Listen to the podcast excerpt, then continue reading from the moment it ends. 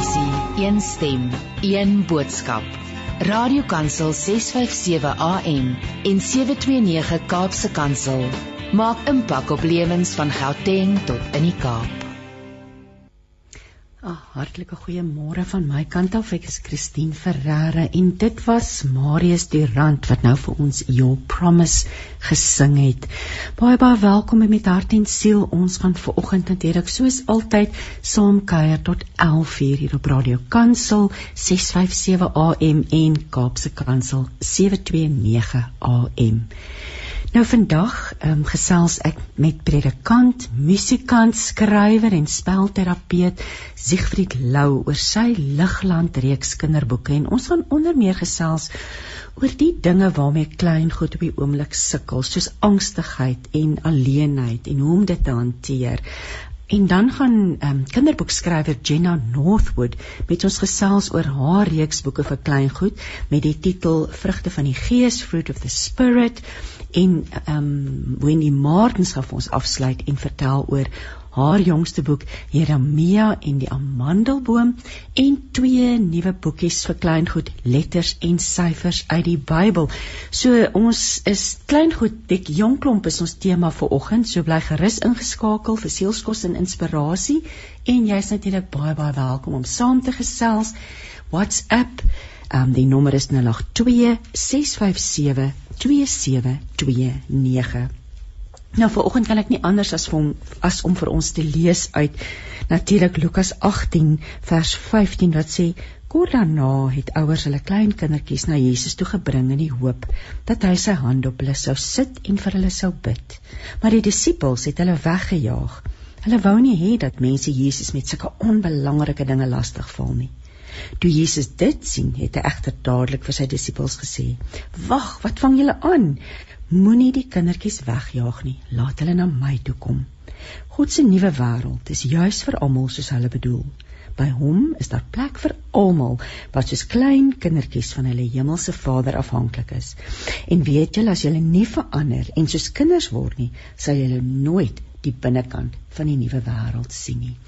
Ons het nou vir Siegfried Lou op die lyn. Goeiemôre Siegfried. Goeiemôre Christine. Ag, hoorie, dis te verskriklik lekker om met jou te gesels en ek weet ons het 'n vorige slag probeer en ons dinge kon nie uitwerk nie. Jy's 'n besige man en ek is so dankbaar dat jy vandag um die tyd het om met ons te gesels. So Siegfried, ek gaan afskop en dan vir jou vir sommer nou vra waar het jou passie vir kinderbediening en spelterapie vandaan gekom? Ag nee, maar baie dankie Christine. Ek wil van my kant af ook sê dis lekker om oor hierdie dinge met julle te kan gesels en so baie dankie vir die geleentheid. As jy vir my vrou oor my passie vir kinderbediening, ehm um, ek dink dit was nog altyd daar. Ek dink dit is deel van my roeping. En ehm um, daar's iets aan kinders wat die vermoë het om met verwondering te leef. So ehm um, ek hou daarvan om stories te vertel. Ek hou van poppekas en partykeer doen ons hier by ons gemeente ook kinderteater waar ons nog ander kinders ook sommer inspann dat hulle kan help om 'n uh, belangrike storie oor te vertel.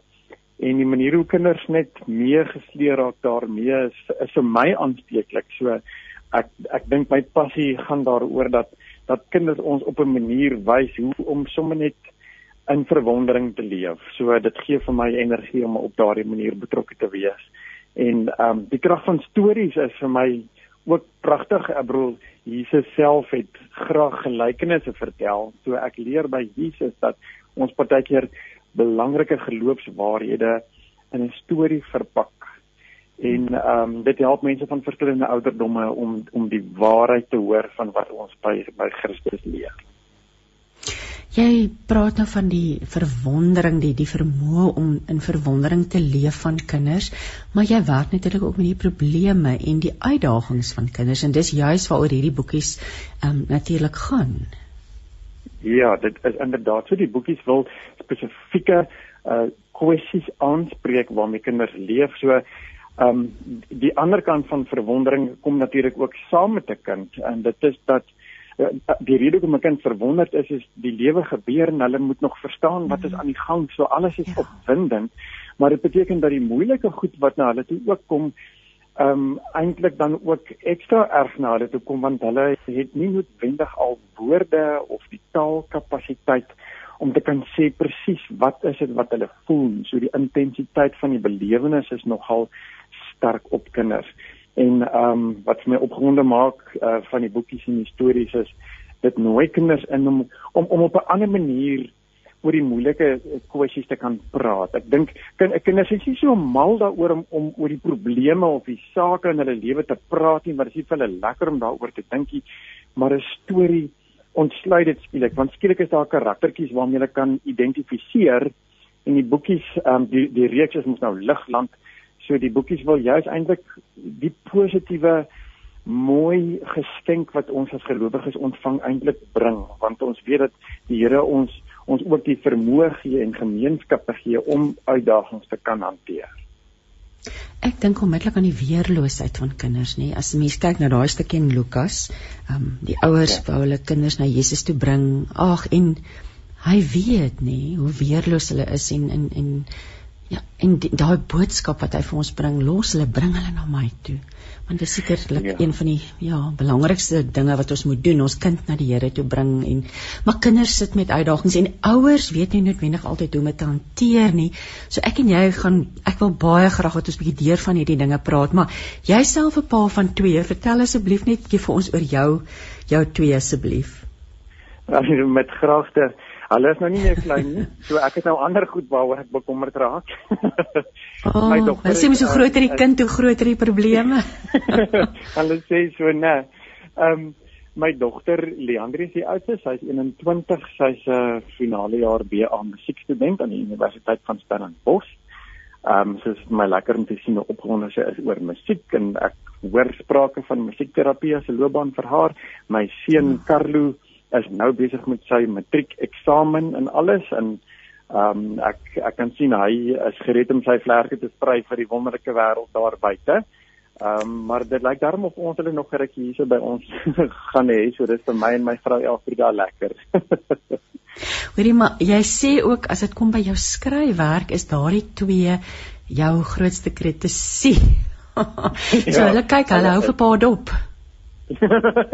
hulle doen ek het as soms toe hulle nou kleiner was as ek iets doen uh, in kerk of so met 'n drama of ons doen iets met met of iets met poppekas dan het ek hulle partykeer ingespan en toe het hulle nou op 'n stadium met hulle begin en sê nee goed ek kan nou nie meer vir hulle gebruik nie. Hulle is nou anders goed om te doen.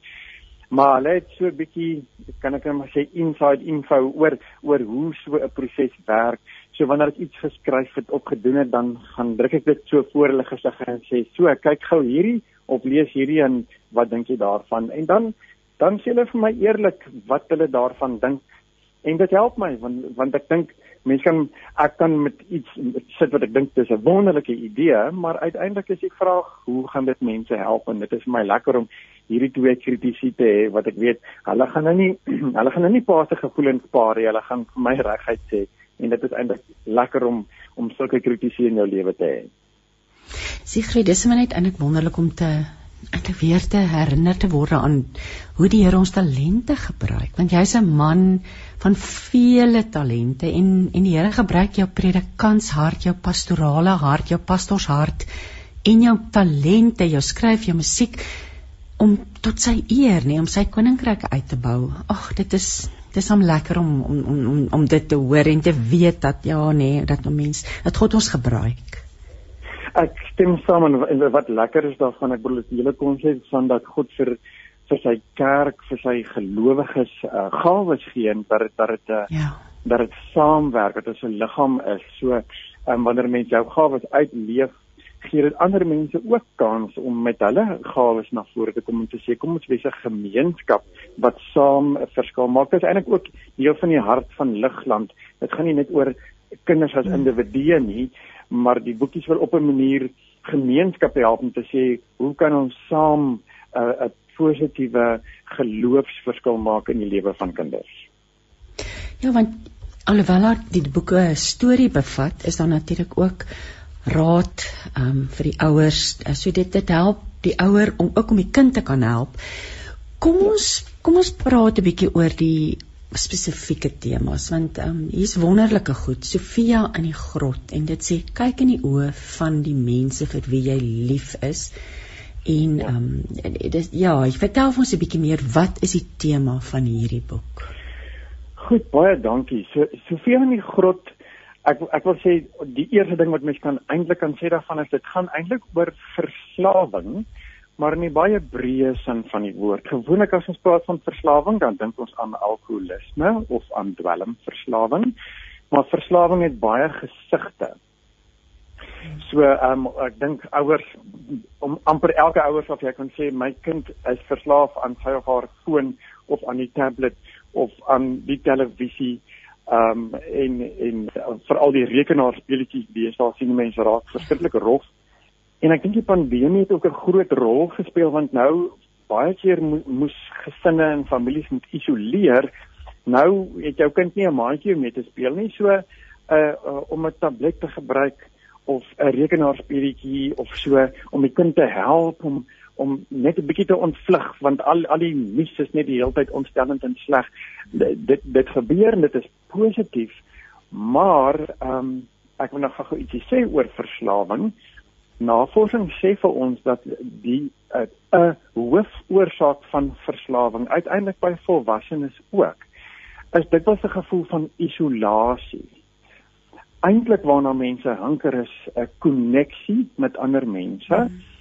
Maar isolasie beteken dat jy jy jy voel jy kry kans om sommer net op jou eie te wees Ehm um, as is nou die standaard uh gedagte waarin mense dink as ons praat oor isolasie, as iemand sien maar verslaaf is aan dwelms of aan alkohol, um, nou praat ons van volwassenes, dan ehm um, dan is dit 'n ontvlugting eintlik wat hulle gebruik. So die tema van Sofia in die grot is om te sê ons het almal goed wat ons help om sommer net 'n bietjie te ontspan. Ehm um, soos om TV te kyk of om 'n speletjie te speel of om 'n slaapie te vat of so net om te voel ek ek kry 'n bietjie balans in my lewe maar al daai dinge kan 'n grot word waarin jy vasgevang raak en dan dan dan besit die grot vir jou so Sofia in die grot wil eintlik vir kinders help ons het nou die die uh, spesifieke uh, karaktertjie in die storie Gawie ehm um, hy hy het 'n bietjie uitdagings en dan is hy nou baie bly wanneer hy nou 'n toestel kry met speletjies en dan begin hierdie speletjie om heeltemal insig tot in 'n grot beland en en dan kan hy later nie daar uitkom nie. En daardie gevoel ehm um, wil eintlik die die die die effek gee van hoe voel dit om verslaaf te wees aan iets. So dis 'n dis 'n storie vir kinders en ek dink kinders gaan identifiseer met toestelle en fone en so aan. Ja. Maar ek dink enige ouer wat dit lees gaan ook vir hom of haarself afvra o o gats uh watter grotte is daar in my lewe? Watter dinge doen ek wat my isoleer van ander mense? En um en en, en die storie nooi jou eintlik om te sê en dis hoekom die die die subtitel is kyk in die oë van die mense vir wie jy lief is. So dit dit wil dit wil dit daag kinders uit om te sê, goed, Dis nie verkeerd om 'n speletjie te speel op die rekenaar of op die tablet of of mm. so nie, maar dit kan nie my dit dit mag nie my besit nie want ek gaan in 'n grot beland waar ek later kan voel ek kan nie meer alleen hier uitkom nie. En dieselfde gebeur met ouers en ouers kan dan verstaan wat kan ons doen of wanneer wanneer was ek vandag in my grot gewees en het my grot deure waar ek kan uitkom of nie. En en Sofia Ja, ek sien. Ekskuus tog, uh, Siegfried, dis my baie interessant. Jy sê sommer amper op die eerste, die tweede bladsy wat sê sy kan baie sy kan spesiale dinge sien wat ander nie kan sien nie. Kinders sien, hulle sien nie goed raak want jy verwys dan die die bottels en die blikkies wat in pappa se kas en mamma wat so graag televisie kyk. So hulle sien nie die goed raak. Hulle weet iets is nie reg nie, nê. Ja. Ja, en en en hulle sien alhoewel pappa of mamma het 'n groot waarin hulle eintlik leer, dit is hulle werk, want werk kan ook jou verslawing wees. En dan ja. dan leer hulle, maar ek kan ek kan mos nou doen wat vir my ook lekker is, wat my beter laat voel en ek maak my deur toe en ek sit geïsoleer in my kamer en ek is die hele tyd met hierdie ding besig. Wat vir my voel op daai oomblik dit laat my beter voel, maar in die langtermyn doen dit die teenoorgestelde. Jy het agterin en ek wil hê as dit reg is met jou dat jy met ons 'n bietjie daaroor gesels. Daar's 'n paar riglyne vir die leser, ja. die lesertjie en vir die ouer. Daar's byvoorbeeld die vraag, wat kan ek doen as ek in 'n grot is? Kan jy dalk so 'n bietjie daaroor uitbrei asseblief? Ja, ja sekerlik. Ehm um, ek gaan sommer so al die stories van Ligland het agterin so 'n paar punte uh, want uiteindelik wil die boekies gesprek losmaak. Maar dan help dit nou nie mense het nou hierdie storie en jy kan nou identifiseer met 'n paar goed, maar jy's nog nie heeltemal seker wat vra dit nou van my nie. So die punte agter in die boekie van Sofia in die grot sê byvoorbeeld, ehm um, as ek nou agterkom ek is in 'n grot. Nommer 1 praat met iemand. En en dan is deel van die ding om te sê so wat is lekker van die grot? Wat is lekker van die speletjie wat ek speel? Hoekom hoekom doen ek dit? Want dit laat my beter voel of laat my ontspan of so iets. Ehm um, en, nog iets wat jy kan doen is om om 'n plan te maak. Ehm um, om te sê uh dalk is daar iets wat vir jou lekker is van jou grot, iets wat lekker is van die speletjie is jy doen iets wat lekker is wat jou laat ontspan. Is daar nog plekke waar jy kan ontspan wat dalk 'n bietjie kontak gaan aanhelp uh met mense vir wie jy lief is of mense wat vir jou lief is. So dalk is daar alternatiewe wat vir jou ook die ervaring kan gee en partykeer uh, vat 'n rukkie om dit in te oefen. Die eerste keer vir 'n kind om te gaan stap is nie noodwendig lekker nie. maar as jy gewoond raak aan aan om dit te doen dan is dit lekker. Die ander uh, ander wenk wat ons dan gee is tel die tyd.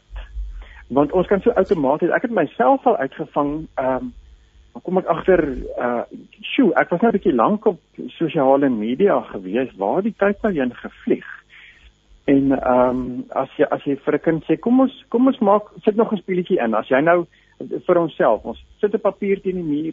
Ek sien nie jy mag nie op die tablet speel nie of jy speletjies speel nie, maar as jy dit nou gedoen het, kom ons teken daaraan hoe lank hoe lank het jy dit gedoen? Net om net om die kind te help om te snap en te sien, "Sjoe, ek was net 'n bietjie lank in my grot en hoe langer ek daar binne in is, hoe minder raak die deure en vensters." En dan doen iets saam. So ons ons ons nooi mense wat sê ek voel ek is in 'n grot kry nog mense uh saam met wie saam met wie jy iets kan doen want uiteindelik breek dit die ervaring van isolasie. Ehm um, en, en want mense is regtig. Die, die grot bestaan nie regtig nie. Die speletjie is nie regtig daar vir jou nie. Maar mense kan regtig daar wees vir jou. En dan 'n baie praktiese ding gaan buitentoe.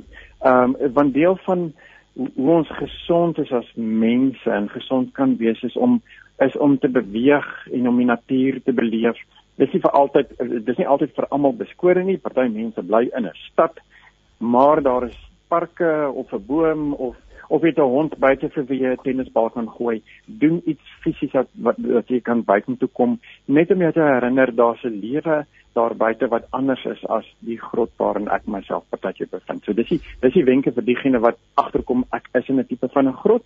Dan sal ook 'n paar wenke as jy nou agterkom maar iemand anders is in 'n grot, wat kan jy doen? So daar's daar's 'n paar dinge daar wat 'n paar wenke wat mense ook kan gebruik want partykeer is ek self in 'n grot, partykeer herken ek okay, my kind is in 'n grot of my man of my vrou of of my vriend. Dis eintlik 'n ongelooflike stuk gereedskap hierdie vir die kind en vir die ouer want dit is vir my mooi hoe jy subtiel die ouers ook aanspreek deur die storie sou hulle in 'n grot wees. Ek wil nou vir jou vra watter ouderdomsgroep is hierdie reeks bedoel? Die reeks dink ek is gaan outomaties lekker werk vir 5 tot 7 jariges. Maar dit is op so 'n manier geskryf ook ehm um, dis ek, ek amper soos 'n allegorie of 'n gelykenis wat beteken ehm um, dis 'n eenvoudige storie maar dit gaan met ouer kinders ook praat. Dit gaan met tieners ook praat en dit gaan met volwassenes ook praat.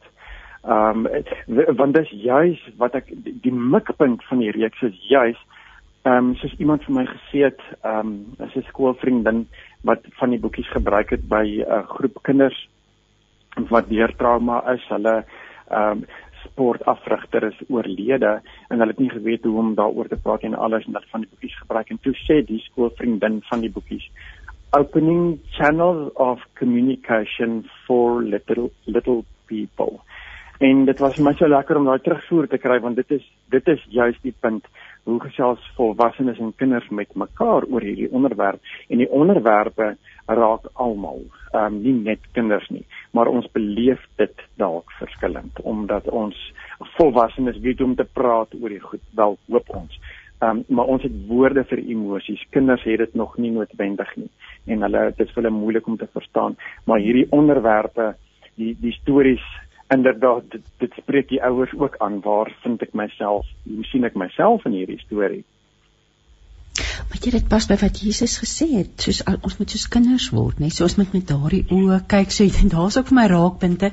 En dan wil ek net sê Sofia is natuurlik 'n pragtige blou uiltjie met groot oë wat dan 'n deel van hierdie eh, karaktertjie Gawie se lewe word en hom dan bystaan en help deur haar insigte. Kom ons beweeg na die volgende boek, toe Ben en die draakie, angstigheid. Jo, Ek dink angstigheid het so deel van ons lewe geword die afgelope paar, wel 18 maande lank ons is al hiermee ja. besig. Ja. Um, met die pandemie ja. en veral onder kinders. Dis daar's soveel onbekende dinge. Daar's dinge wat regtig ehm um, ja, en jy sê hoe om jou draakie mak te maak. Vertel vir ons 'n bietjie meer oor oor oor hierdie boek asseblief, Siegfried. Baie dankie, dankie met graagte. Ehm um, ek wil begin deur te reageer op wat jy gesê het van die afgelope klompie maande. Daar's 'n daar's 'n belangrike ding van angstigheid wat ons moet snap as gemeenskap. En dit is dat ehm uh, mens mekaar kan aansteek met angstigheid. Ja. As jy 'n groepie mense bymekaar sit en ons begin oor goed gesels wat ons ontstel. Jy kan maar luister die volume en die spoed van hoe ons praat raak al hoe hoër en al hoe vinniger. En angstigheid het ek opgelet veral op sosiale media het so veral in die begin van die pandemie, dis asof mense net kwaier en ehm um, gruweliker met mekaar gepraat het op sosiale media, dis asof dit net geeskaleer het. En dan op 'n dag bel iemand my en sê maar my kind sukkel nou verskriklik met angstigheid en wat kan ons doen? En as jy nou begine gesels dan kom jy agter wel die kind behalwe vir die feit dat sy of haar rotine nou heeltemal weer mekaar is en daar's klomp onsekerhede. Hulle hoor hoe praat pappa en mamma en dit voel vir hulle na die einde van die wêreld en alles is nou verlore en daarmee heen en hulle weet nie wat om te verwag nie en so eskaleer ons hierdie ervaring van angstigheid. So dis die, dis die een ding wat ek wil sê, ehm um, die pandemie het op 'n manier vir my genooi om hierdie storie te skryf. Maar daar's mense wat met angstigheid 'n pad moet stap of daar nou pandemie is of nie, daar's mense wat daarmee sit nog voor die pandemie opgedaag het. En wat Benjamin Draakie wil doen is um, die die die konsep daar agter is ons besef dat die Here het ons liggaam baie spesiaal gemaak. So angstigheid kom eintlik van 'n spesifieke deel van ons brein. Dis nou nie hoe ben jy die draakie dit nou noodwendig verduidelik nie. Ehm um, maar dis 'n deel van ons brein wat die Here vir ons gegee het om ons te beskerm. So dis 'n deel van ons brein wat wat oorgaan na veg, vlug of vries as dit nodig is. So as daar 'n kwaai hond op jou afstorm, dan kan jy vinnig in die boom klim en jy het ewe skielik 'n klomp energie om dit te doen of jy eh, iemand jaag jou wat jy wil seermaak, dan kan jy nou skielik lekker vinnig weghardloop. So dis 'n dis 'n belangrike deel van ons biologie hoe hoe ons liefdevolle Vader ons geskep het om te kan reageer wanneer daar gevaar is. Maar angstigheid ehm um, beteken as as jy daarmee sukkel, beteken dit daai deel van jou brein is nou 'n bietjie ooraktief En as jy nou begin kom ons praat oor 'n angsaanval, as jy 'n angsaanval kry, dis dis nie in die eerste plek 'n emosie nie, dis jou liggaam wat fisies reageer op 'n manier registreer jou brein ek is in gevaar.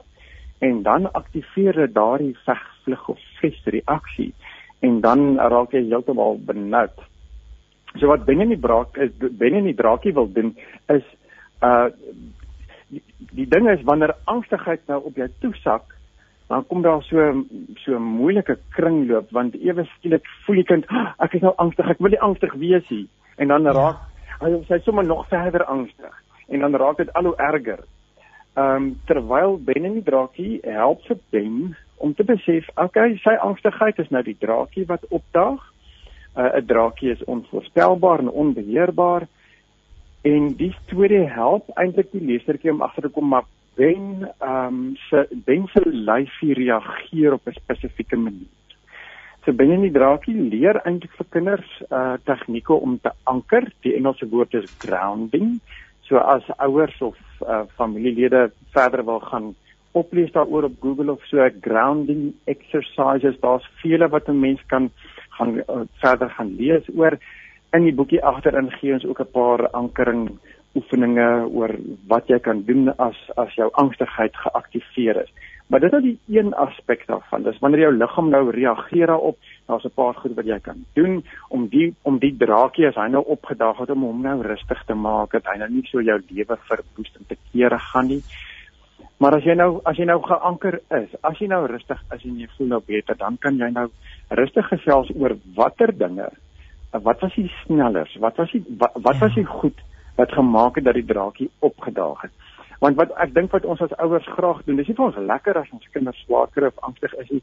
Ons wil ewe skielik vir hulle verduidelik maar dis nie nodig om bang te wees nou om in te gaan skool toe nie. Ehm um, kyk jou maatjies is nie bang nie uh, dit help nie eintlik as jou kind nou klaar angstig is om al daai goed te sê nie want ehm um, jou kind is klaar angstig maar wanneer jou kind rustig is na die tyd en en die kind is klaar ehm um, geanker grounded dan is dit 'n beter tyd om dan kan mense 'n bietjie meer rasioneel gesels en sê kom ons dink wanneer jy agtergekom jou draakie het opgedag want hoekom ons die draakie kies ehm um, op een plekkie byvoorbeeld seuns as as die draakie opdaag in jou lyfie dan wil hy sy vlerke klap in jou in jou longe en dan haal jy so vlak en vinnig asem.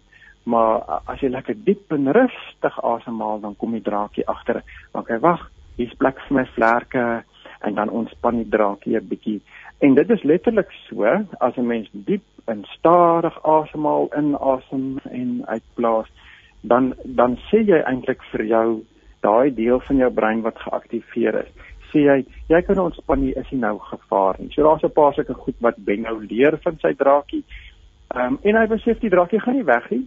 En kom ons wees eerlik met mekaar, partykeer is dit nodig om te of veg of te vlug of te vries as 'n as jy in 'n gevaarsituasie is of 'n ehm um, dit lyk of jy nou 'n motorongeluk gaan wees, dan dan het jy daardie deel van die brein nodig wat jou help om vinnig te reageer maar ons wil natuurlik nie hê dit moet die hele tyd geaktiveer wees en ons lewe vir ons moeilik maak nie. Weer eens wat 'n lekker manier om dit te benader en ja, soos jy sê as die kind ontspanne is, in die bed lê, nou net net voor slaaptyd wanneer dit nou tradisioneel die leestyd is. Kom ons ja. beweeg aan kolle en die gif. Ai, boelies. Ja. Jy sê die liefde is sterker as bang wees. Ja, ja. Boelie, dit is dit is soms so oud as die mensdom en nou het hy 'n nuwe formaat, dis nou nog um aanlyn ook, jy weet, die kinders word op sosiale ja. media geboelie. Wat ja. leer ons ja. uit kolle en die gif? Ek dink een van die belangrike goed wat ons daar leer is, um ons is geneig om as daar boelies is, die boelies te wil terugboelie. En uh ek leer verskriklik baie by die werk van Brené Brown oor ehm um, oor kwesbaarheid. Ja. Gewoonlik wanneer daar boelies is, daar's mos die sê ding hurt people hurt people. Hmm. Daar's 'n rede hoekom boelies boelie. En as ons nou net boelies wil terugkry of op hulle plek sit, dan hou ons eintlik maar net aan met hoe die gemeenskap werk en en dit is nie ons as Christene werk nie.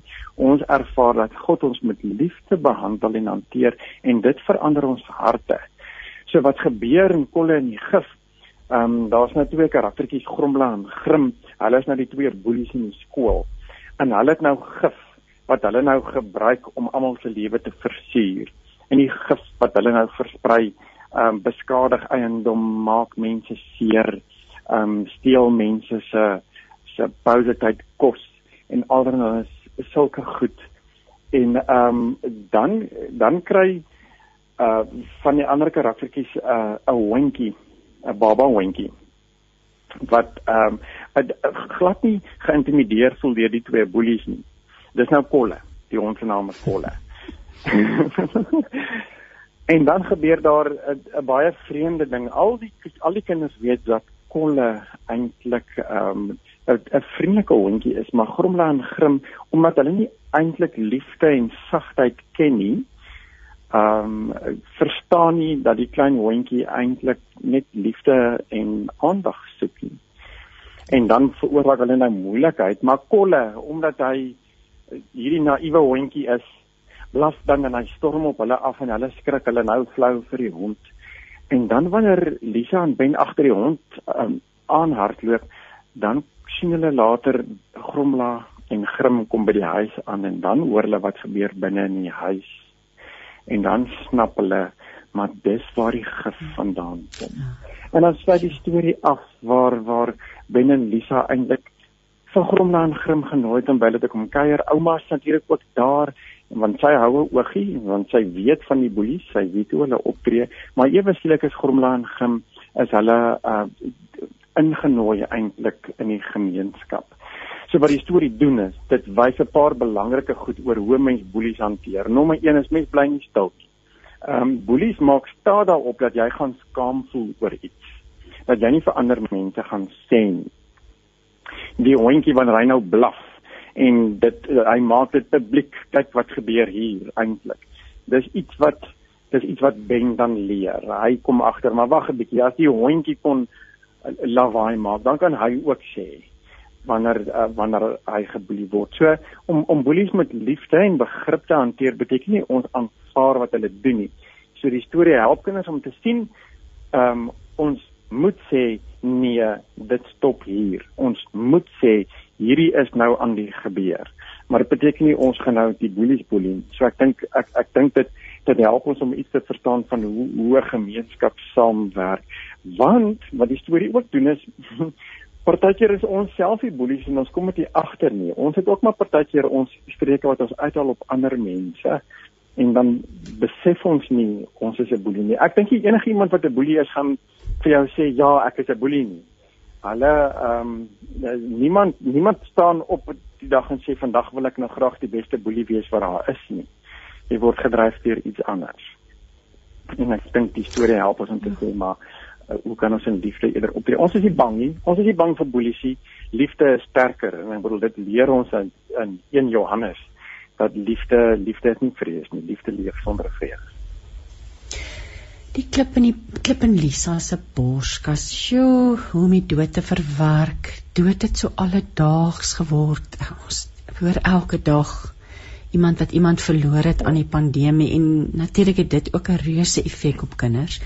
Kom ons gesels oor hierdie boek asseblief Siegfried. Baie dankie. Dis die eerste enetjie van die reeks wat eers geskryf is.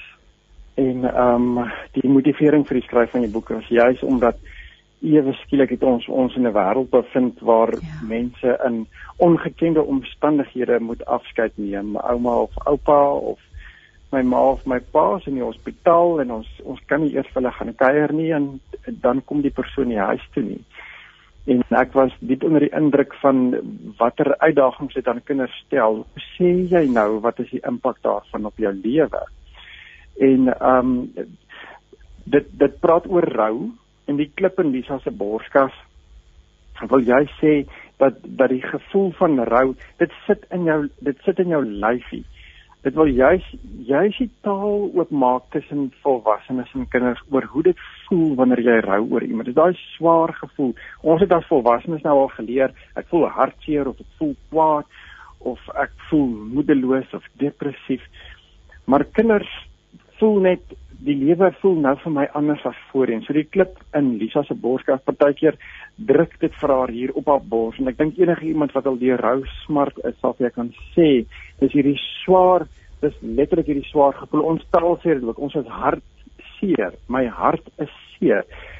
Maar daai swaar gevoel van die klip gaan sit partykeer in Lisa se voete wanneer sy wil fietsry, sy hou van fietsry dan sit dit voel net te swaar asof alles te swaar geraak het en die dinge wat voorheen vir haar lekker was is nie meer vir haar lekker nie. Al wat sy voel is hierdie swaarheid iewers in haar liggaam. Um, en dit is waar my kinders baie goed is. Hulle snap, hulle kan voel waar voel my lyf nie lekker nie. Hulle het nie noodwendig 'n woord vir die emosie nie, maar hulle voel dit fisies in hulle liggaam. En wat dan nou gebeur is dat um, sy by ouma ook en ou ouma is baie lief vir Lisa en ouma sien hiersoos fout en dan begin hulle te gesels Ehm um, sy vertel vir ouma sy het hierdie klip in haar uh, borskas en dan sê ouma sy weet sy wat ouma is het twee klippe in haar borskas. Die ander een is is is, is ouma se se man wat al 'n hele rukkie gelede oorlede is. En dan leer Lisa, sy sien maar maar ouma is okay daarmee om 'n klip in haar borskas te hê. Jy onthou met liefde uh van iemand vir wie jy lief was. Die feit dat jy 'n klip in jou borskas het, beteken daar was iemand spesiaal. En dan uh, begin Lisa klippies optel wat haar laat dink aan die oom wat oorlede is wat wat die klip in haar borskas veroorsaak het. En ewe skielik ehm um, aan aan die einde van die storie dan gesels die die klein familietjie 'n bietjie daaroor. Uh, die terugvoer wat ek kry van mense is wanneer hulle dit klaar gelees het dan uh, gee dit skielik vir hulle taal. Die kinders kan skielik praat oor hoe hulle voel. Daai voel tog daai groepie waarvan ek net al gepraat het ehm um, van die sportafrigter. Ehm um, die een seentjie byvoorbeeld het, het vir 2 weke lank niks gehuil nie um niks gepraat nie en die ouers was baie bekommerd en by die sportgroep het hulle die storie toe nou gelees en hy daai aand by die huis gekom en bitterlik gehuil. Nou klink dit verskriklik. Dit het my eers omgekrap om te hoor ek kan huil nadat hy die boekie gelees het. Maar ek het verstaan dat die ouers het verstaan uiteindelik kry my kind kans om om te sê om om om uitdrukking te gee aan die swaarheid waarmee hy nou al vir 2 weke lank geloop het. Die storie gee erkenning daaraan dat ons uh, dat dat verlies is nie vir ons lekker nie, dit is vir ons swaar, maar dit beteken daar was iemand vir wie ek lief was en en dit is wat ons koester en gaan aan vashou. Ons ons groet mense wat nie meer hier is nie, maar daar's iets wat bly, ons herinneringe aan hulle en dit wat hulle vir ons beteken het. Dit groet ons nie, dit bly by ons en soms is dit swaar, maar soms is dit mooi herinneringe. Ja, Siegfried, wonderlike wonderlike boeke. Ek wil nou vir jou vra, ons het nou maar 4 van die uitdagings bespreek en ons begin ons tyd raak, ons nog so 'n paar minute oor om te gesels. As jy nie vir ons net dalk oorsigtelik kan sê waarmee sukkel kinders nog vandag, waarvoor moet ouers op die uitkyk wees? Ek ek ek raak al hoe meer bewus van die geweldige druk nie net op kinders nie, maar eintlik gesinne en families daar's geweldige druk op mense. Ehm um, dis asof almal wil sê ons moet net so gou as moontlik teruggaan na normaal toe. Ehm um, en een van die goed wat ek sien is daar's baie mense wat skielik van die huis af werk en dit ehm um, aan die begin het dit vir mense die, lewe bietjie makliker gemaak want jy hoef nie byvoorbeeld nie in die verkeer te sit of so nie. Maar so stelselmatig het daar goed ingesluit want nou as jy by die huis jy moet uh ma wees wat versorg, jy moet ma wees wat besig is om te werk, nou moet ma nou nog 'n bietjie juffrou ook wees en jou kind sit daar en dit jou nodig en jy het al hierdie hoede gelyk op jou kop wat jy alles moet wees en die druk is net eenvoudig daar. Um die skole begin weer oopmaak en alles en en en almal wil net so gou as moontlik weer alles doen soos ons dit voorheen gedoen het. Nou is ons agter met skoolwerk, ons is agter by die werk met al die goed. So ehm um, die druk om net weer normaal te kan voortgaan en dan nog verder te presteer is geweldig groot. So ek sien uh, as jy my vra wat is die uitdagings waarmee kinders sukkel, dan wil ek sê die geweldige druk op hulle. Maar dit is binne in die konteks van die geweldige druk wat daar in die hele gesin is op almal om net aan te gaan asof daar nie fout is nie. So daai daai druk dan oh, sê vir um, is nogal rof wat gaan ons doen? Ons want ons gaan met anders optree. Wat hoe hanteer ons dit? Want soos jy sê dis globaal. Dit dis 'n kombers wat ons almal lê hierdie hierdie ja. baie goed en die baie hoede. Hoe gaan ons dit hanteer? Dit is so. Ehm um, en en en die die antwoord is maklik om te sê, maar nie so maklik om te doen nie, maar ek dink een van die goeders om om te prioritiseer. Ehm um, ek dink ook mense sal ook nou sê as ons as ons iewers gaan bymekaar kom ons ons moet mooi besluit wanneer ons nou wel iets weer gaan begin doen. Hoekom gaan ek dit doen? Hoe belangrik is ja. dit? En en en ek dink eh, miskien is dit ook 'n belangrike ding wat ons moet sê vir mekaar. Vir ons as ouers is dit glad nie lekker as ons sien ons kinders kry swaar nie. As jou kind huil is 'n natuurlike reaksie om te sê, "Ag, moenie huil nie." Ehm um, ag, voel beter. Ag, moenie kwaad wees hieroor of daaroor nie. Ehm um, jy kan mos nou nie so maak nie. So ons wil onmiddellik die negatiewe ervarings afsny, maar eintlik is is dit nodig dat ons vir ons kinders kans gee om om ordentlik te sê wat hulle voel en en hoekom hulle so voel. Dit beteken nie okay, vandag gaan jy nou maar by die huis bly want jy voel nou nie lekker nie, maar luister, maak tyd om te luister wat in jou kind se lewe aangaan. Die ander ding is ehm um, as ons as ouers 'n bietjie ons kwesbaarheid vir ons eie kinders ook wys. Dan sien hulle, okay, pappa of mamma sukkel ook met goed en dit is vir hulle ook moeilik. So dit is dis partykeer oukei om nie oukei te wees nie. En ehm um, natuurlik kan ons as ouers nou nie ons diepste wrogings en goed oor ons kinders uitstort nie, maar om sommer net bietjie met mekaar te deel wat is op die oomblik vir my 'n uitdaging waarmee sukkel ek en dan sit ook sommer iets waar waaroor 'n mens kan saam bid as familie ook en sê maar kom ons praat met die Here oor hierdie goed wat vir ons 'n uitdaging is. Dan leer ons kinders ook dis oukei okay om te praat oor die goed wat nie vir ons lekker is nie. Dit dit help ons as ouers wil ons ons kinders nou net fix nie. maar ons ja. self wys nie vir hulle ons is bereid om om ook te praat oor dit wat vir ons 'n uitdaging is nie. So as ons praat as ons praat oor druk, dan dink ek een van die goedes is om dit te erken en dan en dan kan 'n mens mekaar help om te sê maar dit wat nou vir jou belangrik is, wat jou nou dryf, is dit op die langtermyn regtig so belangrik.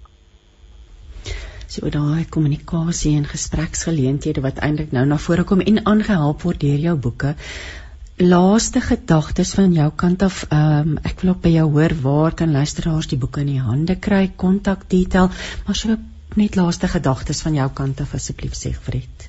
Ja, sekerlik. Ehm um, so die hele reeks se naam is uh, Ligland.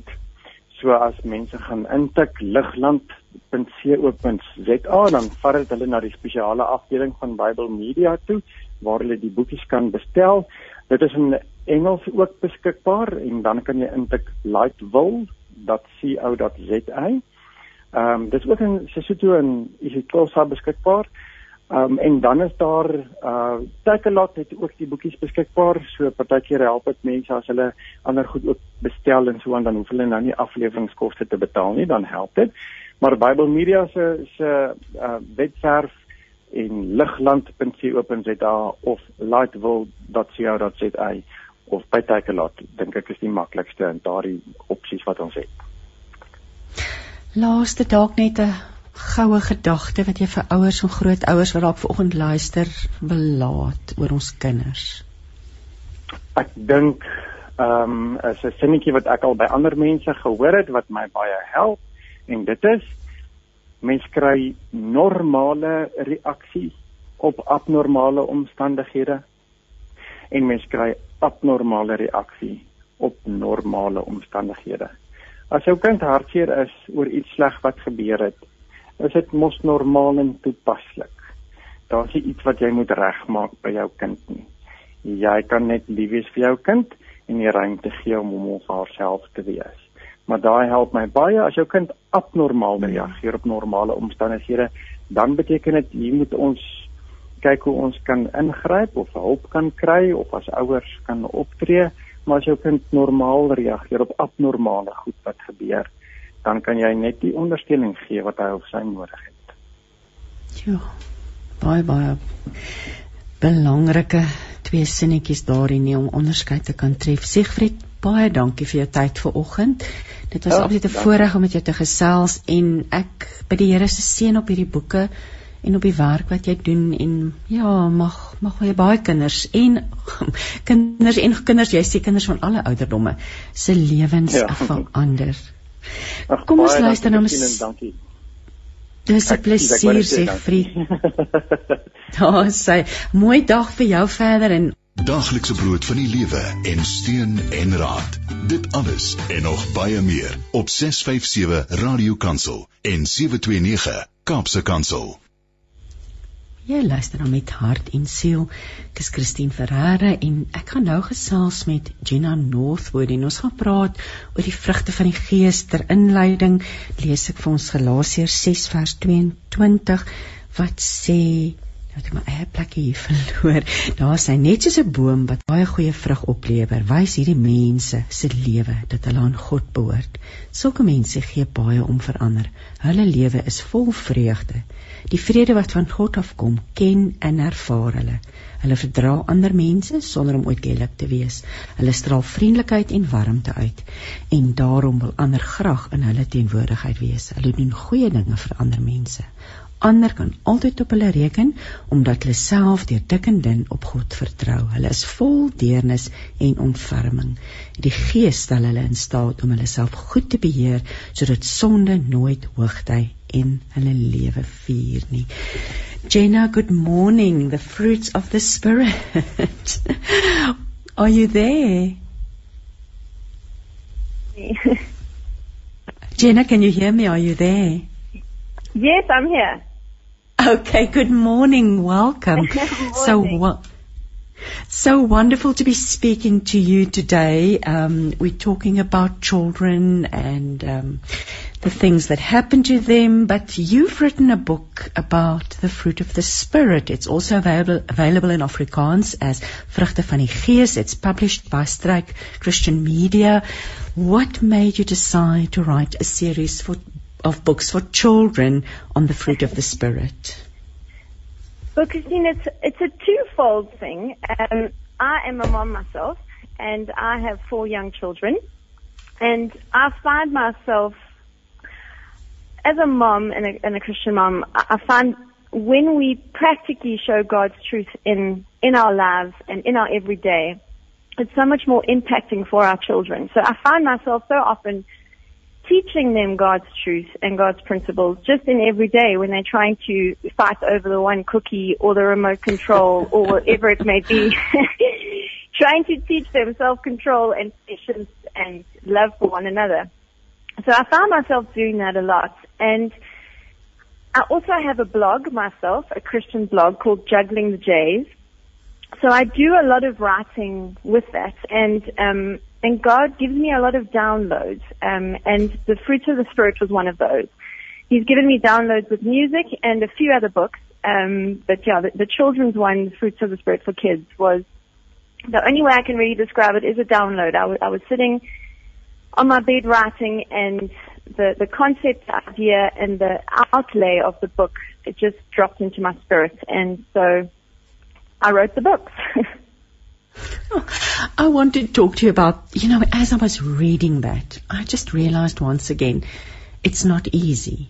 It's not easy to to live to be that person, to live according or to have the fruit of the spirit so visible in your life. So I want to ask you, why are the fruit of the spirit so important in the lives of believers, adults as well as children? Well, as scripture tells us, we'll be known by our fruits. And I always love, like I said, being practical and applying it to everyday life. It's the same way when you are at work. And if you say you're a Christian, but you're shouting at everybody and you're stealing the money and you're doing that, people are going to think, whoa, no, I don't want to be like her. Where if you are there and you are the one who's joyful no matter what's happening, you've got a peace in the storm and you're patient, patient with all the difficult people, they're going to look at you and think, gee, there's something different about her. I wonder what that is. And then they too will come to know God. And so it's just so important to know these, know your fruits. And, and like God says, you know, He is the vine and, and we are the branches. And when we remain in Him, then we will bear much fruit. So the more we with Him, the more we bear the fruit. So it's just this beautiful relationship we'd have with God as He lives in us and we live with Him. And, um, and for children, it's, you know, so often it's easy to think, oh, as adults we, we should Yeah. be bearing the fruits. But for children, it's just as important because they are a light to the younger generation. And, um, and the earlier we come to know God, the, the better. So, um, if, if children can shine their light from, from young on and come to know Jesus really early on in their life, it'll just be such an incredible anchor and lighthouse and and safety for them in their whole life, knowing God from a young age. It, I'm holding a very colorful book in my hand. I've got the Afrikaans copy in my hand. I saw the PDF of the English one. Um, for which at which age group are these books directed and then how many books in the series because i think you deal with 3 fruits of the spirit at a time not so yes that's correct so the books um so so there are nine books for each fruit so one for love one for joy one for peace one for patience one for kindness one for goodness one for faithfulness another one for gentleness and then the last one for self control but they have been grouped. So um, book one, which is the one that'll be available next month, is peace, joy, and faithfulness. And then book two will be love, patience, and kindness. And then book three, goodness, gentleness, and self-control. And the books, so my children are nine and under. And the books are for that age group. I kind of say it's for the single digit children. Um, because for the younger years, a parent can read them to their children and, um, and start teaching them the biblical principles. And then for the older ones who can read, they can read it for themselves and, and learn to pray on, because in the book, within the structure, there's a place where you can memorize a Bible verse and, and say a prayer. So for the, for the six, seven, eight year olds, they can pray that reading it themselves and add to that prayer and, and uh, memorize the verse at the age where they can do that. So it's for, yeah, for nine and under. I want to talk about the illustrations. Um, it's done by Lindy Webster and Sherry Lee Rue.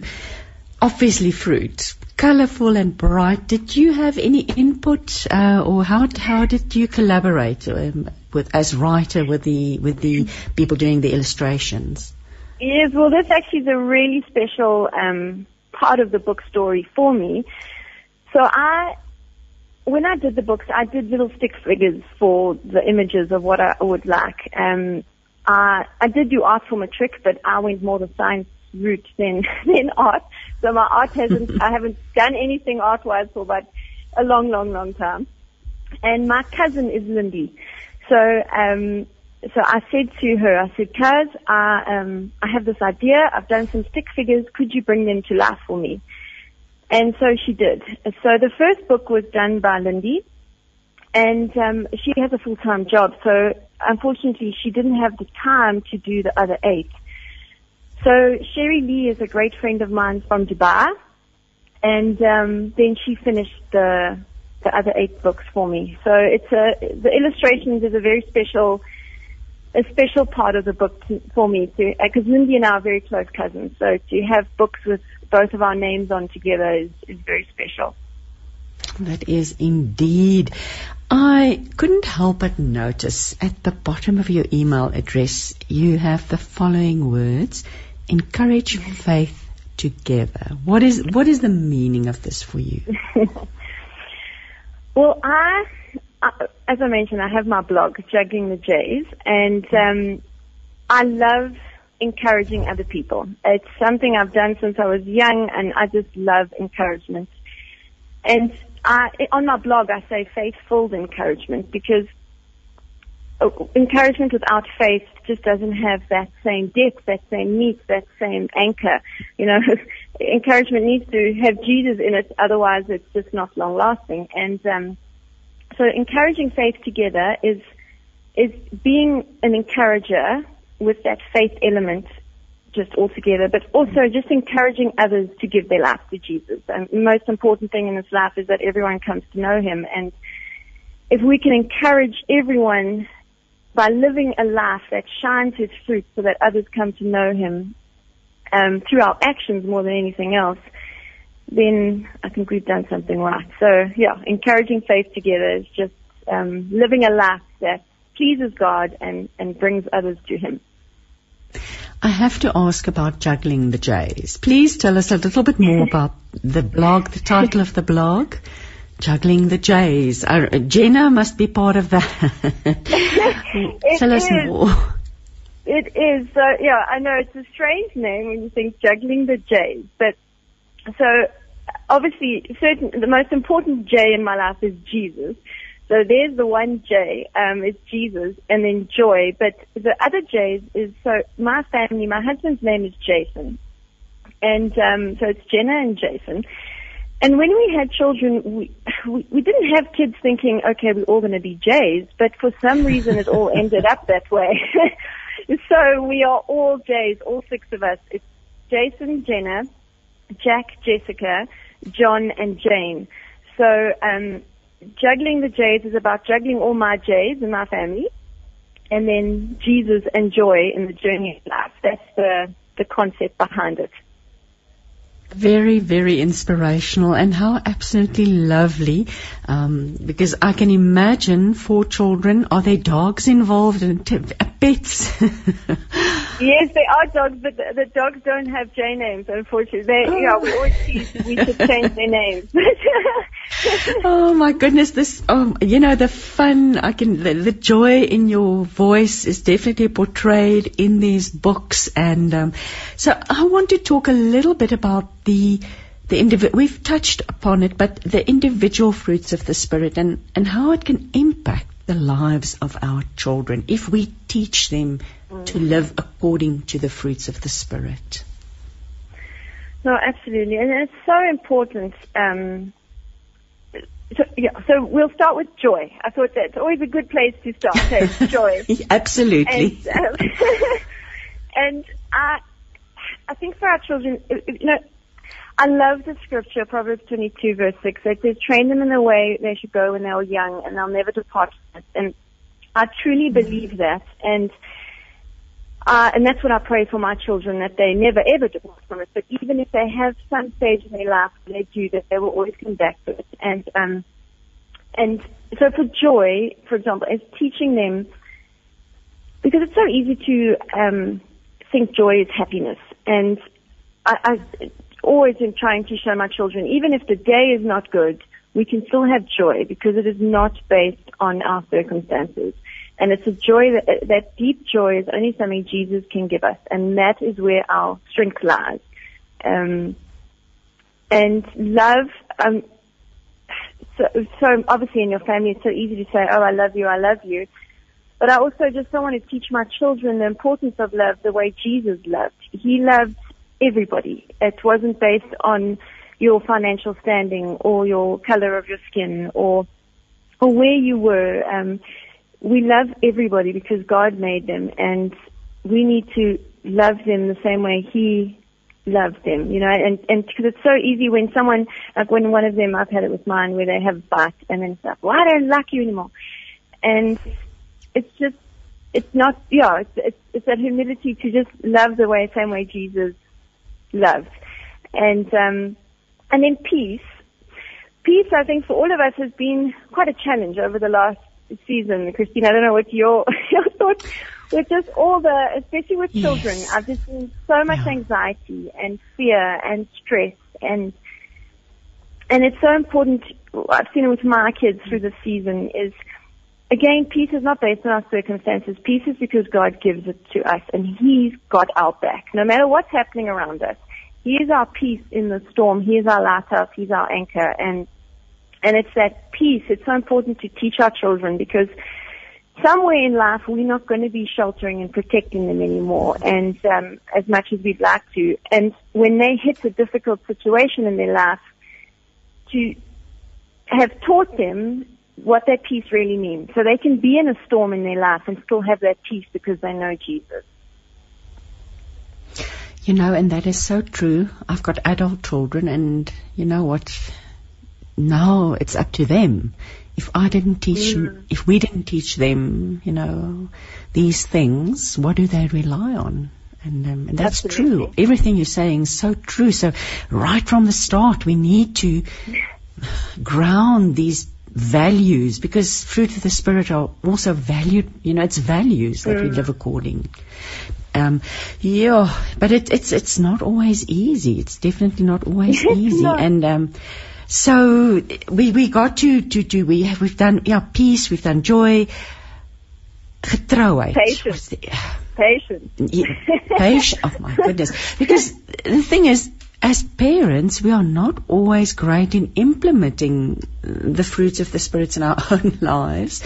Let's be honest. I mean, there are days yeah. that peace uh, also escapes us. Um, you know, and, and so, so what, what, what can you say to parents and grandparents listening in this regard? You say, you know, I can't even get it right all the time, and, and my child, child watch me. And so, what, what, what advice do you have for, for the parent in this situation? Well, you know, that's one of the beautiful things I think in being a parent is our children just watch us through life, and when we're real and authentic, I think that speaks volumes. And and in being real and authentic is not pretending we always have it together because we don't. No one does. And we are going to mess up and we are going to make mistakes. And um, I mean, I do daily with my children, and when I do, it's such a way to teach them um, to be teachable, how to you know forgiveness, repentance, um, just being humble because when they, like for example, patience, I mean, I can't say I'm patient all the time. They're all fighting and they're driving me crazy and then I might not react the right way I should. And in that, I, I use it as a lesson as well. I'll say, oh, sorry, mommy wasn't patient then. Mm. Um, and, you know, will you forgive me? And, and it's, it's it's to get the right attitude. It's not to have the attitude, well, oh, well, I always mess up. You know, God's all about grace, so I can just keep being the way I'm being. Mm-hmm. It's not that attitude. Um, but it's also not the attitude of I have to be perfect all the time because we're not going to be. It's, so it's learning grace, but in that striving to improve in as we grow closer to Jesus, grow in our fruits and in our um, in our character as we grow closer. But just having that grace for when we mess up, not to beat ourselves up forever, to actually teach our children, hey, mommy messes up too. Yeah. and then this yeah. is, this is what we do when we do. Yeah. I want to get back to the format of the book. So we've got three stories. It's a hardcover. Um, it's a lovely size. Um, and then we've got three stories, but each story is followed by um, scripture, by um, a lesson from the Bible, a verse, and a challenge. What talk talk to us a little bit about that? Um, what do you want to achieve um, through this format? Well, I I love formats. I did science after school, so I do love structure and format. and um, yeah, I, I really do love structure. But um, it's so the concept behind it is um, and so, yeah, there are nine books, and they all follow the same format, and each book has um, a unique fruit in them. You know, joy, for example, is Jolly the grapes, and love has a strawberry. But each book also has Miss Lemon and Mr. Prickles. They are in every single book, the two of them. And as Mr. Prickles, he's a pineapple. As his name suggests, he's pretty grumpy, Mr. Prickles. And and through each book, um, he he comes to know and and see the value in that um, quality that's being discussed, and then he adapts it into his own life. So each book has a story which will involve those two fruits and the relative quality. And then there's a Bible story straight from the Bible that relates to that fruit of the Spirit. And then there's a Bible lesson or a Bible truth that we learn about that quality. And then there's a prayer, um, and then there's a Bible verse, again relating to that specific spirit, a fruit of the spirit that we are learning about. And hopefully children will memorize it. Uh, that's my heart behind it. You know, if children can start to learn to memorize and know scripture from a young age, it'll just be such an incredible tool in their life for them to use. And then there's a fruit challenge. Um, which is a practical application of the fruit that's being discussed. So, for example, with joy, it, will say, you know, um, no matter what happens this week, um, don't base your um, your happiness on the circumstances around you, but have joy through whatever comes your way. It's, it's that it's a practical application for the child to try and and learn about that fruit of the spirit. Now, I want to mention that these books, well, the first in the series, will be available from November. Um, um, and it'll be in most bookstores, including CUM, Exclusives, Bargain Books, and P&A. So, have they all been written already, um, Jenna, or are you still in the process? No, they've all been written and ready. They've actually all been written and ready since last year, September. It's just been all about God's timing and a real test of patience in waiting for them. Um, so, so, will yes. all the books be available in November or only the first? Just the first book. Um, so they're being released slowly, but um, they are all ready, but it's just a, a slow release. So the first book, yes, will be in November. And then the, there have been a few hiccups due to COVID and printing uh, issues um, due to COVID. Um, so that's where a lot of delays have come in. Um, but the first, yeah, the first book, which is Peace, Joy, and Faithfulness, will be available next month. And then book two and book three, I hope it's early January I'm on book two, but I'm not exactly certain. Mm. These days, one can never say, like you say, COVID always seems to be playing a little bit of havoc, but it gives us time to digest. The, you know, there, there's there's a lot to digest uh, around these fruit of the spirits. It's so important. Um, but a, a few final thoughts from your side, Jenna, um, wrapping up our conversation.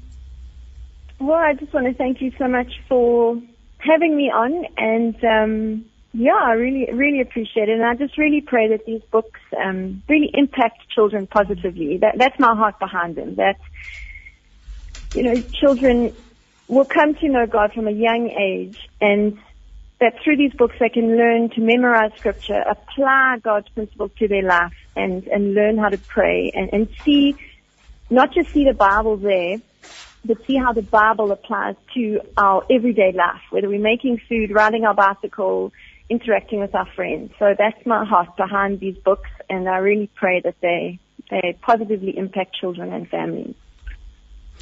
Well, I wish you all the best, and I want to congratulate you really on a wonderful, wonderful uh, book, and and it's beautiful that it's available in English and Afrikaans. So ek herhaal net weer die titel Vrugte van die Gees vrede, vreugde, getrouheid, um, ook beskikbaar in Engels. Dis geskryf deur Jenna Jenna Nell Northwood en illustrasies deur Lindy Webster en Sherry Lee Roo en uitgegee deur Strike Christian Media. Thank you so much for your time this morning, Jenna, and um, just all the best for you and your family. Thanks so much, Christine, and to you. Thank you. Net voordat ons na musiek gaan luister, wil ek net graag 3 ander pragtige kinderboeke noem uh, wat ek hier in my hand het. Daar is 'n klein boekie uh, dis 'n vertaling van Paul Gallico se bekende 'n boek, 'n small miracle, 'n klein wonderwerkie. Dit vertel die storie van Sint Francis, Franciscus van Assisi en sy donkie Violetta en die vertaling is gedoen deur Naomi Morgan. So hou gerus, dit word uitgegee deur Naledi. Hou jou, um, ek weet jy by uitkyk daarvoor. Dan het daar 'n pragtige boek ook op my lesenaar beland uitgegee deur um, Himan en Resou, die mooiste stories van Helena Logner, geïllustreer deur Toby Newsome. Ook 'n pragtige pragtige boek. Hulle sê die Hans Christian Andersen van Suid-Afrika. Dit is die ere naam wat aan Helena H.F. Logner gegee is. Hierdie geliefde Afrikaanse skrywer van kinderverhale en sprokies is in 1951 oorlede, maar haar verhale is tydloos en klassiek, nes die van Andersen. Die bundel bevat 'n keur van haar mooiste stories en daar is nuwe illustrasies dan deur die kunstenaar Toby Newsome. Wat wa, ja, hulle is 'n meester hierdie en dit pas so, hulle sê dit sal lesers opnuut bekoor deur die stories van hierdie meester storieverteller. En dan is daar 'n boek deur Karen Tennyson, die uitgewer is Jacana en dit sê take your place you belong in uh, it say take your place you belong is a rhyming picture book that tells the story of two best friends who face discrimination on the playground because they look different from each from one another. The book explores themes of empathy heroism friendship and identity. It is a tool to help children parents and teachers to discuss the issues around race diversity and the hurt caused by discrimination. Een visie, een stem, een boodskap. Radiokansel 657 AM en 729 Kaapse Kansel maak impak op lewens van Gauteng tot in die Kaap. ek net die name van die boeke met herhaal wat ons al vanoggend oor gesels het. Nou die eerste boeke is die 4 uit die Ligland reeks deur Siegfried Lou. Ehm um, die boeke is gemik op kinders tussen 5 en 7. Sofia in die grot wat gaan oor ehm um, ja, wegkruipplekke, verslawing, alleenheid. Klip en Lisa se borskas, die liefde gaan nooit weg nie, wat gaan oor hoe om die dood te verwerk kolle en die gif, liefde, bang, sterker is bang wees, hoe om boelies te hanteer is die uh die tema van hierdie boekie en dan Ben en die draakie om jou draakie mak te maak wat han, wat uh, wat jou handel oor angs. Dan het ek gesels met 'n uh, Jenna Nell Northwood oor die vrugte van die gees, uh, 'n uh, nuwe reeks kinderboeke oor uh, ja in Afrikaans en Engels oor die wonderlike vrugte van die gees. Ek het ook genoem van Paul Gallico die vertaling van 'n klein wonderwerkie deur Naomi Morgan. Die volgende boek was die mooiste stories van Helena Logner en dan Take Your Place You Belong deur Karen Tennyson. Maar nou het ons vir Wendy Martins bekroonde beminde bekende kinderboekskrywer op die lyn. Môre Wendy. Goeiemôre Christine, goeiemôre luisteraars. O, dit is so lekker om met jou te gesels vanoggend Wendy. Ek ons het 3 boeke wat ons oor gaan praat. Maar kom ons begin met Jeremia en die amandelboom. Ag, dit is te pragtig. Ek hou hom hier in my hand, die mooiste illustrasies deur Nick Brockwell, Nikki Brockwell. Wat dit vertel ons 'n bietjie meer. Dis bekend gestel deur Luka Uitgewers. Waarom hierdie mooi boek oor Jeremia? Christine, ag dankie dat jy my vra om oor hom te praat. Die boek het 'n baie sagte plekjie in my hart. Ehm um, en Lukas mos 'n uh, nuwe onderafdeling van Lapa uitgewers. Ehm um, dit is alles het boek ook 'n storie wat 'n lang pad kom. Ek het 'n paar jaar gelede ehm um, weggestap uit 'n verhouding wat nie goed was vir my nie. En my sussele het vir my blyplek gegee in 'n kamer in hulle huis. Ek en my kat en 'n sweterjou boeke daar ek gebly vir 2 maande. Um, maar uh, ek is 'n Jeremia fan.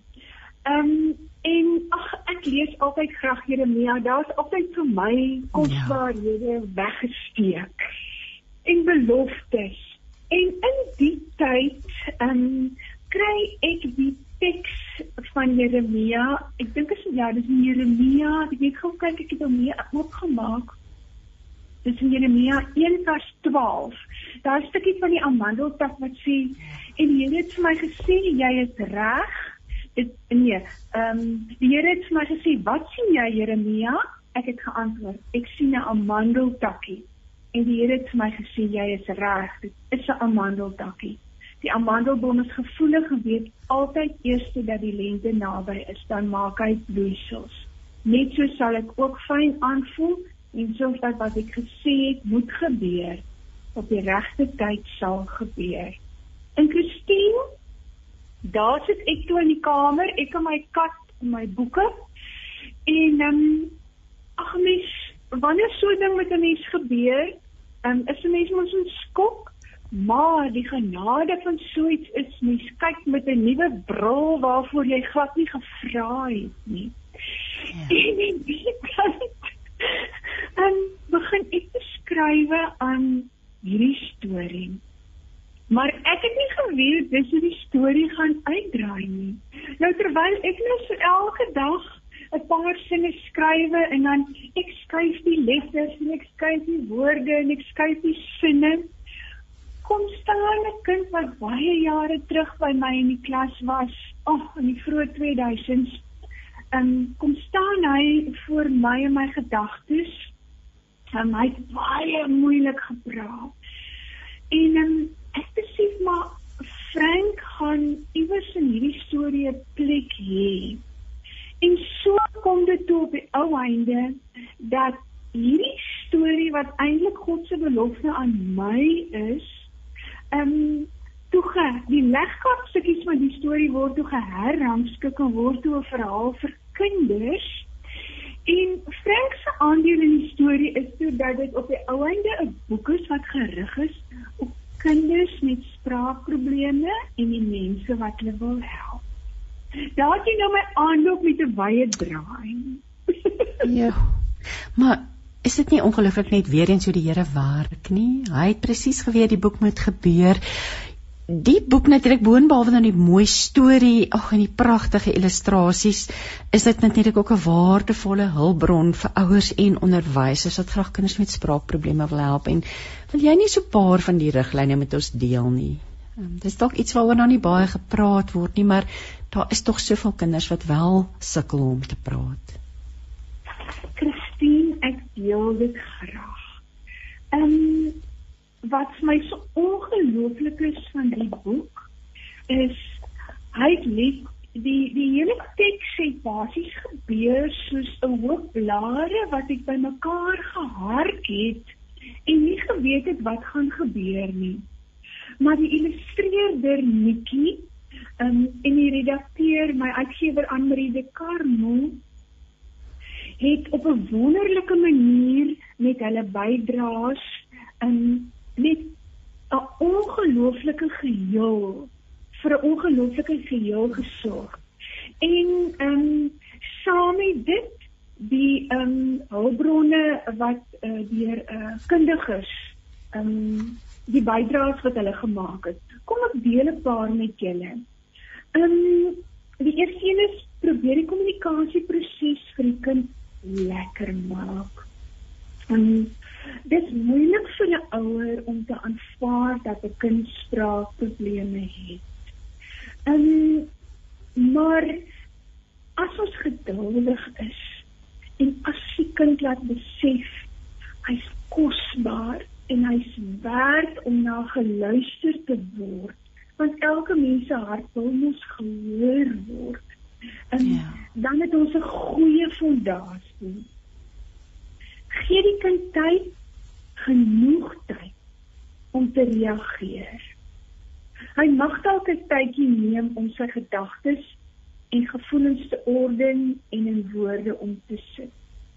Moenie hom onderbreek nie. Luister met aandag totdat hy, ek praat nou met hy oor oor hom, maar hy of sy klaar gepraat het. En um, dis vir ons wat so hastig is, so kosbare les want wat doen ons met kinders?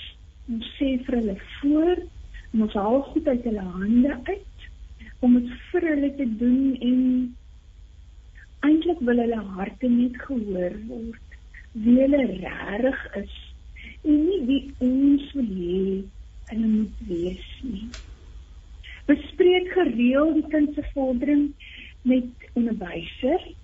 Ehm um, as jy as jy hierdie onderwyseres jou beste vriend maak, ehm um, dan is die stryd halfpad gewonnen.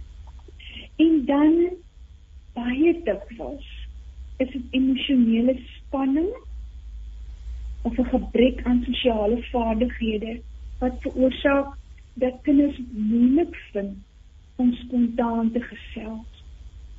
En as jou kind nie maklik gesels nie, beteken dit nie dat daar iets met jou kind se intelligensie skort nie. Hoe genaamd nie.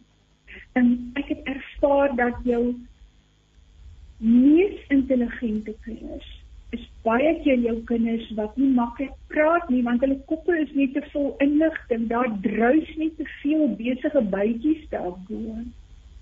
En dan vir al vandag waar ouers se angsvlakke hoog is, is ons kinders se angsvlakke nog hoër want hulle dra hulle eie angs.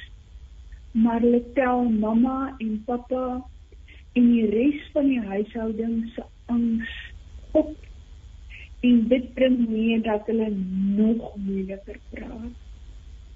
En dan 'n ding wat ehm um, soveel sekuriteit gee is 'n goeie rotine in die huis en dit beteken net elke dag min of meer op dieselfde tyd op dieselfde plek dieselfde dinge doen dit gee vir 'n kind geweldige struktuur.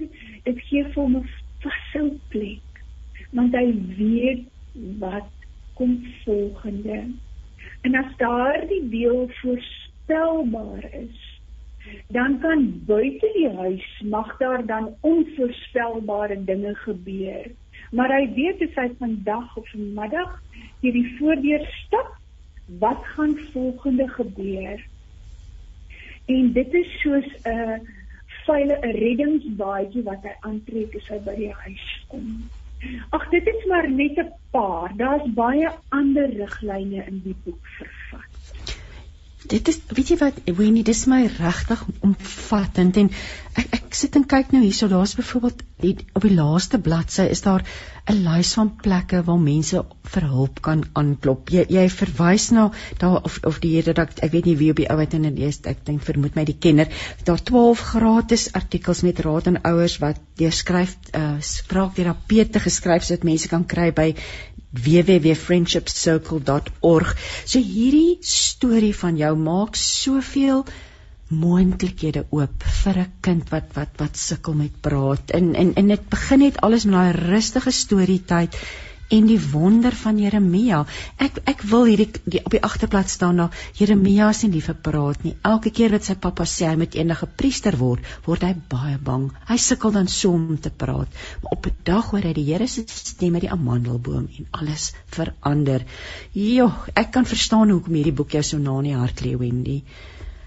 Ek vind nou kan is daar iets wat jy graag nog wil sê oor Jeremia of kan ons aanbeweeg na stories en letters of syfers en letters uit die Bybel? Ek Christine, ehm um, ek wil ook dankie sê vir Anne Marie de Carmo wat werklik haar eie reis onderneem het om die kundiges te kry wat hierdie ekstra ehm um, ek wil amper sê uh hierdie boek is 'n huis van terapeute wat hulle self beskikbaar stel sodat ehm um, ouers en onderwysers hulle kan kom besoek.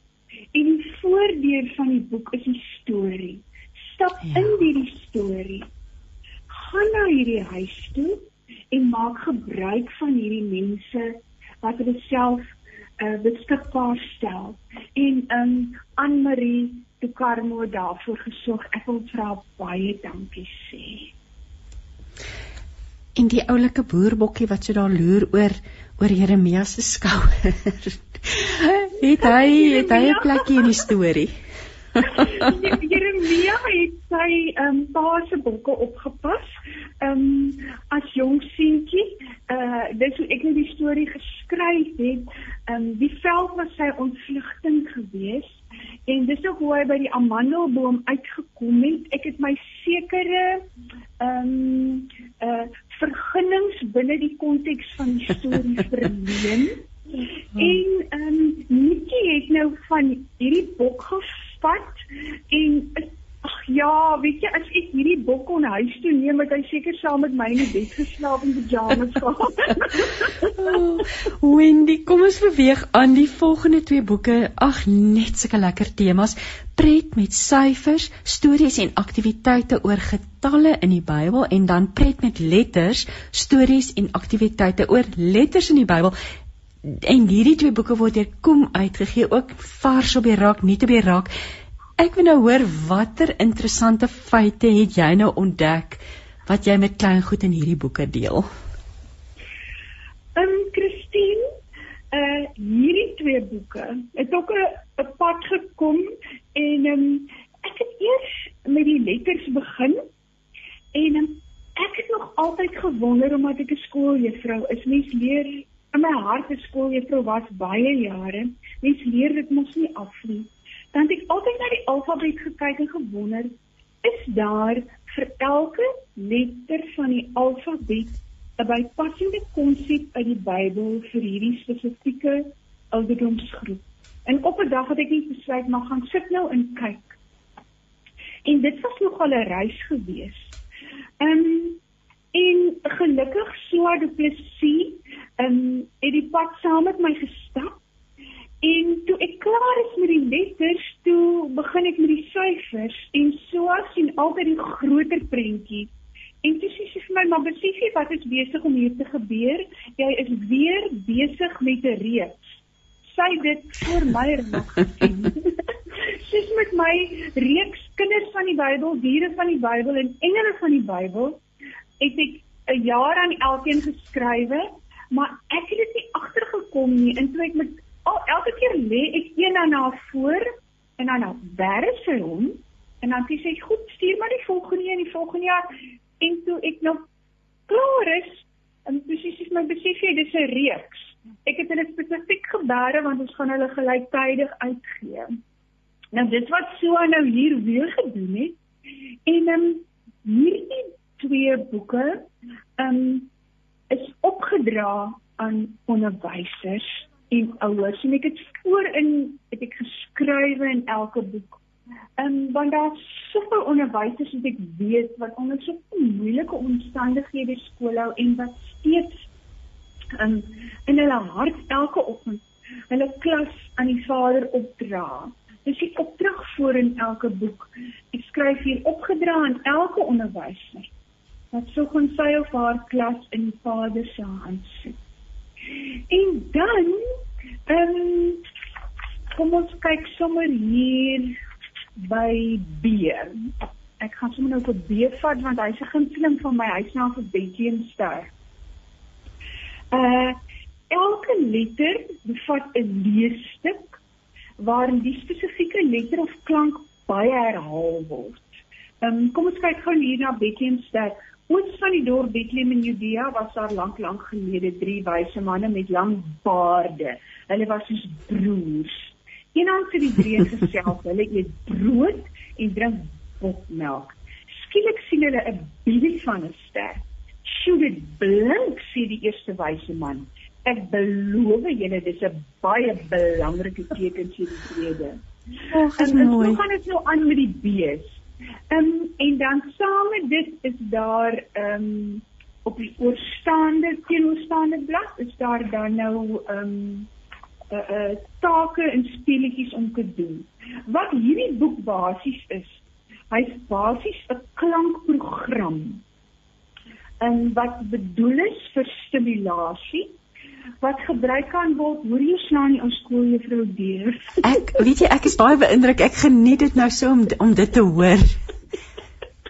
Sien tog maar as jy ou skooljuffrou moet doodslaan. Um, nee dalk moet jy maar weer 'n onderwyseres word Wendy.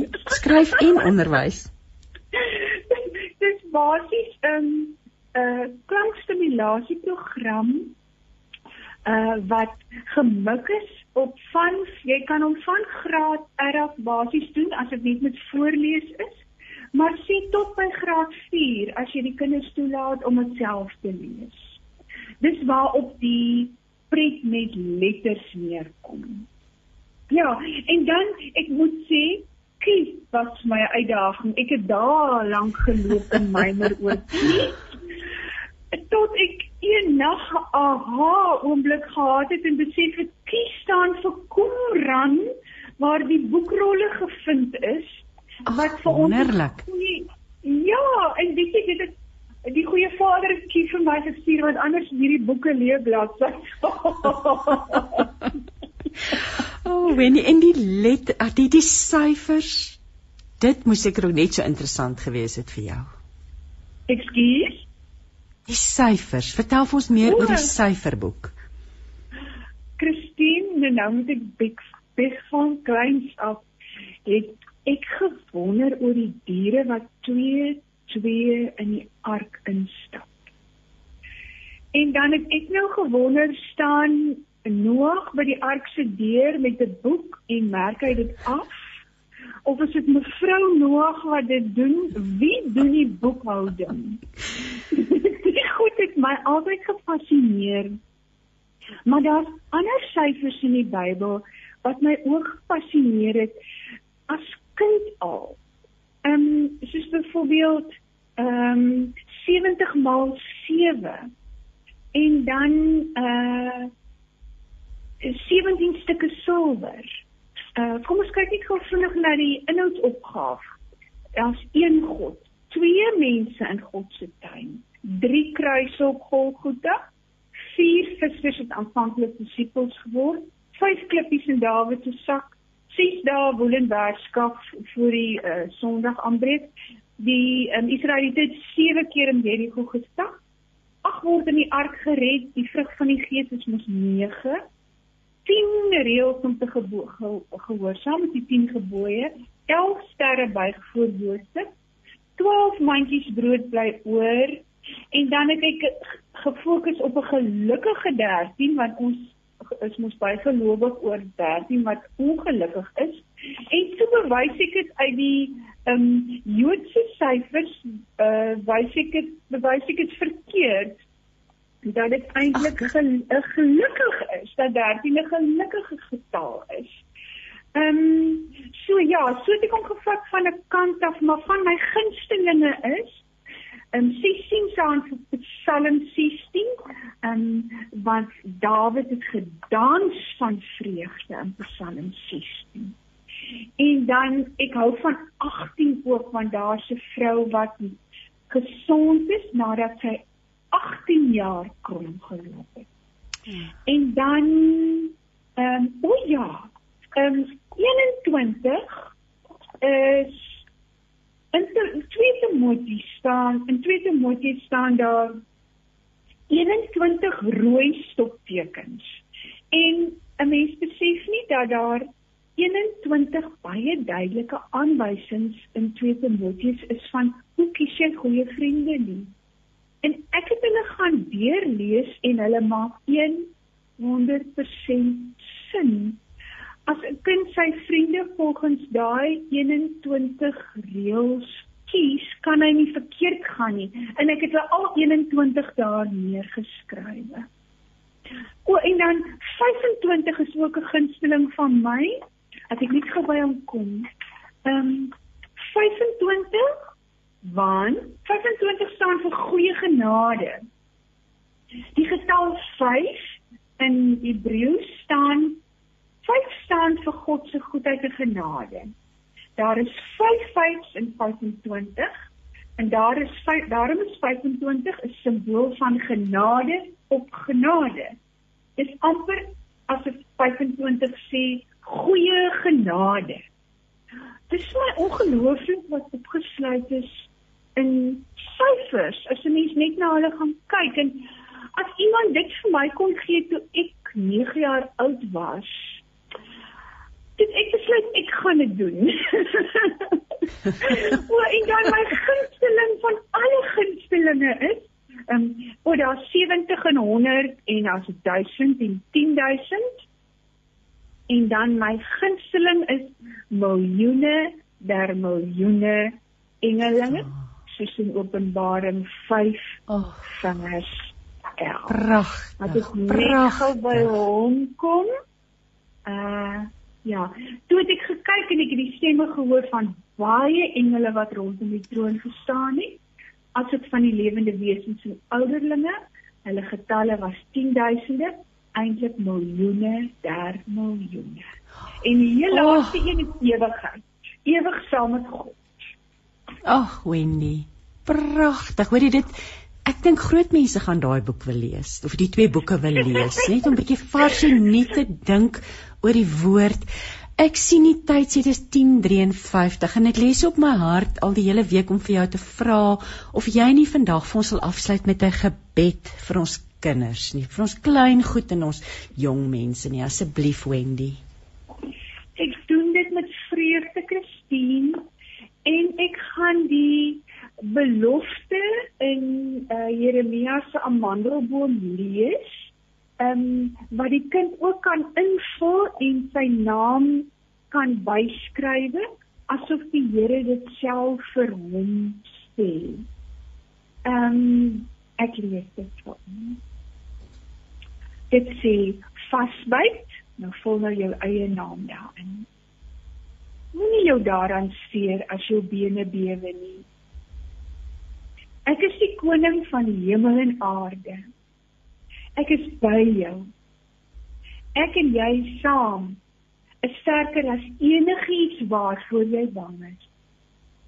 Verbeel jou jy staan met jou rug teen die sterk stam van 'n eislike amandelboom. Hoor die mossies in die takke. Voel die wit bloeisels op jou val. Sit jou hand op jou hart. Weet, my Heilige Gees woon daar binne. Haal diep asem. Voel hoe ek aan jou mond raak. Weet dat ek self die woorde in jou mond sit. Al wat jy hoef te doen is om een woord op 'n slag te sê. Ek sal die res doen. Vertrou my. Ek kom altyd my beloftes na. So sê die Here vir ons. Amen. Amen. Jo, Wendy, baie baie dankie daarvoor en ek dink ons kan elkeen daai gebed ons eie maak vir oggend. Ehm um, wat 'n pragtige herinnering hoe God na ons omsien, nê?